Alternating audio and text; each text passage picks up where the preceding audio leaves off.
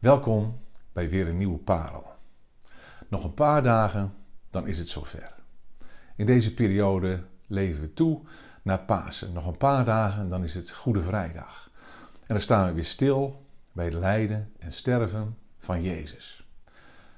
En met Pasen denken we aan dat Hij is opgestaan. En in deze eh, serie Parels neem je ook mee in de voorbereiding eh, naar Pasen toe. Het is goed om daar ieder jaar toch weer bij, uh, bij stil te staan. En in gedachten wil ik jullie uh, meenemen naar uh, eenzelfde periode eigenlijk in de tijd die we vinden in de Evangelie. De voorbereiding voor Pasen als Jezus onderweg gaat naar Jeruzalem om, om daar te zijn met Pasen. En we lezen bijvoorbeeld in Lucas dat hij heel duidelijk op weg is, dat hij vertrekt en er ook aankondigt dat hij naar uh, Jeruzalem toe wil gaan. Af en toe laat hij ook doorschemeren aan zijn discipelen uh, dat hij moet lijden, dat hij verraden zal worden. En de discipelen spreken er tegen. Ze willen niet dat hun meester verraden wordt.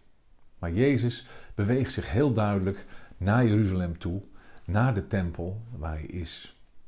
En je merkt dat de spanning toeneemt, dat de vragen van de Farizeeërs steeds gemener en steeds listiger worden. Ze zijn erop uit om hem gevangen te nemen en stellen alles in het werk om dat uh, te doen slagen. Maar Jezus gaat uh, naar Jeruzalem. En we zien eigenlijk de cirkel steeds kleiner worden. Als hij met zijn leerlingen in de bovenzaal de Pesachmaaltijd viert. Als hij met zijn leerlingen erop uittrekt na de maaltijd het donker in naar de hof om te bidden. En de cirkel wordt nog steeds kleiner als hij met zijn drie discipelen, Petrus, Johannes en Jacobus, nog een eindje verderop gaat om te bidden. En uiteindelijk vinden we hem alleen. Op een afstand die aangeduid wordt als een steenworp ver. De afstand die nodig is om iemand terecht te stellen, om iemand te stenigen. En daar horen we Jezus bidden. Vader, als het mogelijk is, laat deze beker aan mij voorbij gaan. Maar niet mijn wil, maar uw wil geschieden. Bijzondere uh, beschrijving. En op dat moment hoor je als het ware het wapengekletter van de soldaten in de verte al aankomen. Je ziet het flakkeren van de fakkels als ze steeds dichterbij komen. Judas voorop. Hij stapt naar voren en verraadt zijn meester. Hij verlogent zijn meester met een kus. En dan volgen de gebeurtenissen elkaar snel op in hoog tempo. Als Jezus een schijnproces krijgt. Als hij als een speelbal heen en weer gaat tussen Herodes en tussen Pilatus. Als hij uiteindelijk na een vals proces veroordeeld wordt, ter dood veroordeeld wordt. En tenslotte zijn kruis moet dragen, Jeruzalem uit, naar de heuvel Golgotha. En ik wil jullie graag meenemen naar dat gedeelte wat we vinden in Johannes 19. De beschrijving als Jezus zijn kruis draagt naar Golgotha. Johannes 19, vers 17. Hij droeg zelf het kruis naar de zogeheten schedelplaats. In het Hebreeuws Golgotha. En daar kruisigden ze hem. Met twee anderen, aan weerskanten één en Jezus in het midden.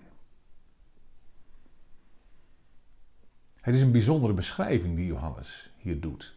Hij kiest zijn woorden heel zorgvuldig. Want hij schrijft dat Jezus zelf zijn kruis draagt naar Golgotha. Naar die plek waar hij gekruisigd zal worden.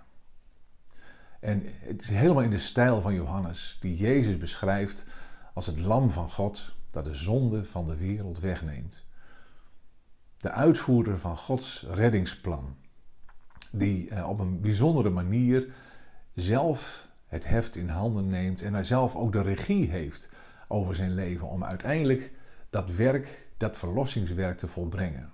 We zien dat bijvoorbeeld in een hoofdstuk eerder. Als de soldaten eh, komen om Jezus gevangen te nemen en hij zichzelf bekend maakt, dan deinzen ze terug en vallen ze op de grond. Hij is het die, die de loop van de dingen bepaalt en zichzelf overgeeft aan de soldaten. En hier zien we hem opnieuw, zelf zijn kruis dragend naar de plaats Golgotha.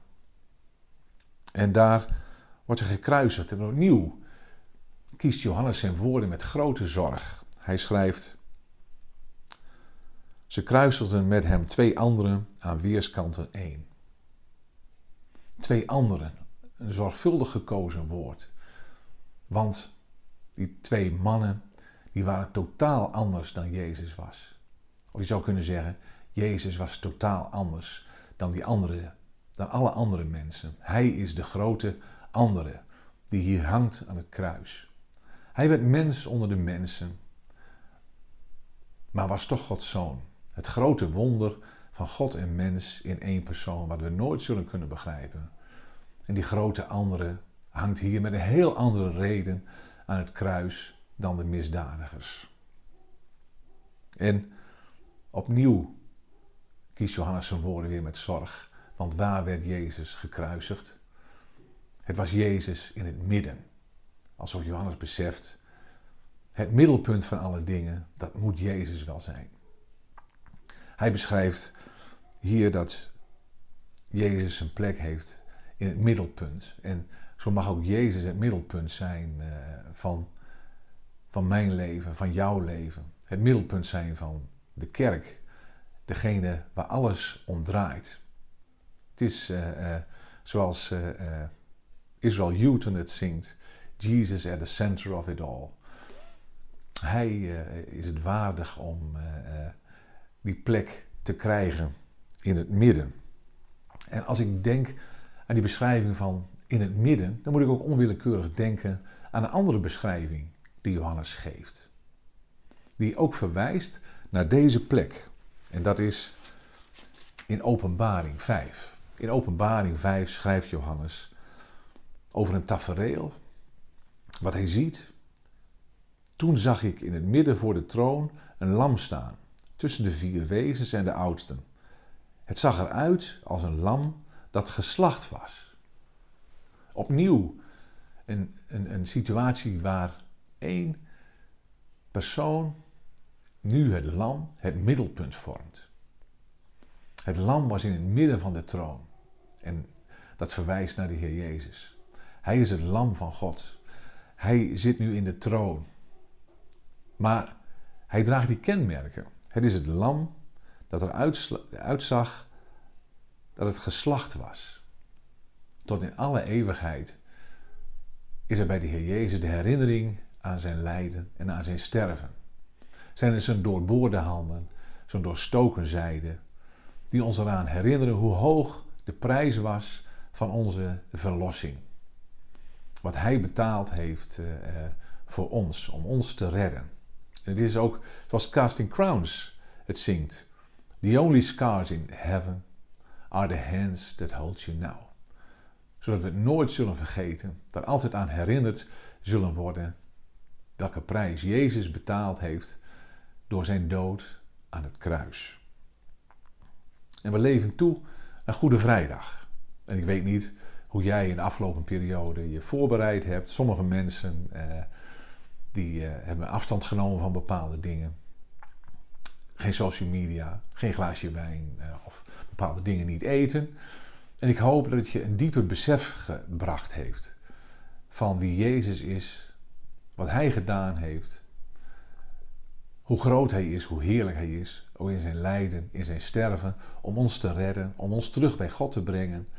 Ik hoop dat het je uh, dichter bij God gebracht heeft, dichter uh, bij Jezus, zodat je meer en meer, iedere dag meer en meer uh, ja, in liefde met Hem verbonden bent. En dat je geloof mag groeien en een stevige basis mag krijgen in je leven. Dat ook deze Pasen daar weer aan, aan mag bijdragen. En dat je ook ja, door wat je, en ik hoop dat deze Pasen ook zijn bijdrage heeft, dat je opnieuw meer toegewijd mag zijn. In liefde, uit liefde uh, voor Jezus je dingen mag doen.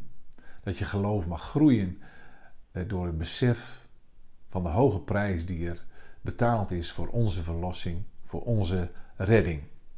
En dat, het, dat jouw geloof een stevig fundament mag zijn. Dat Jezus het middelpunt mag zijn ook in jouw leven. Zoals, ik heb het al gezegd, zoals Israel Houghton het zingt. Jesus at the center of it all. Jesus at the center of it all. From beginning to the end, it will always be, it's always been you, Jesus. Jesus. Een goede Pasen.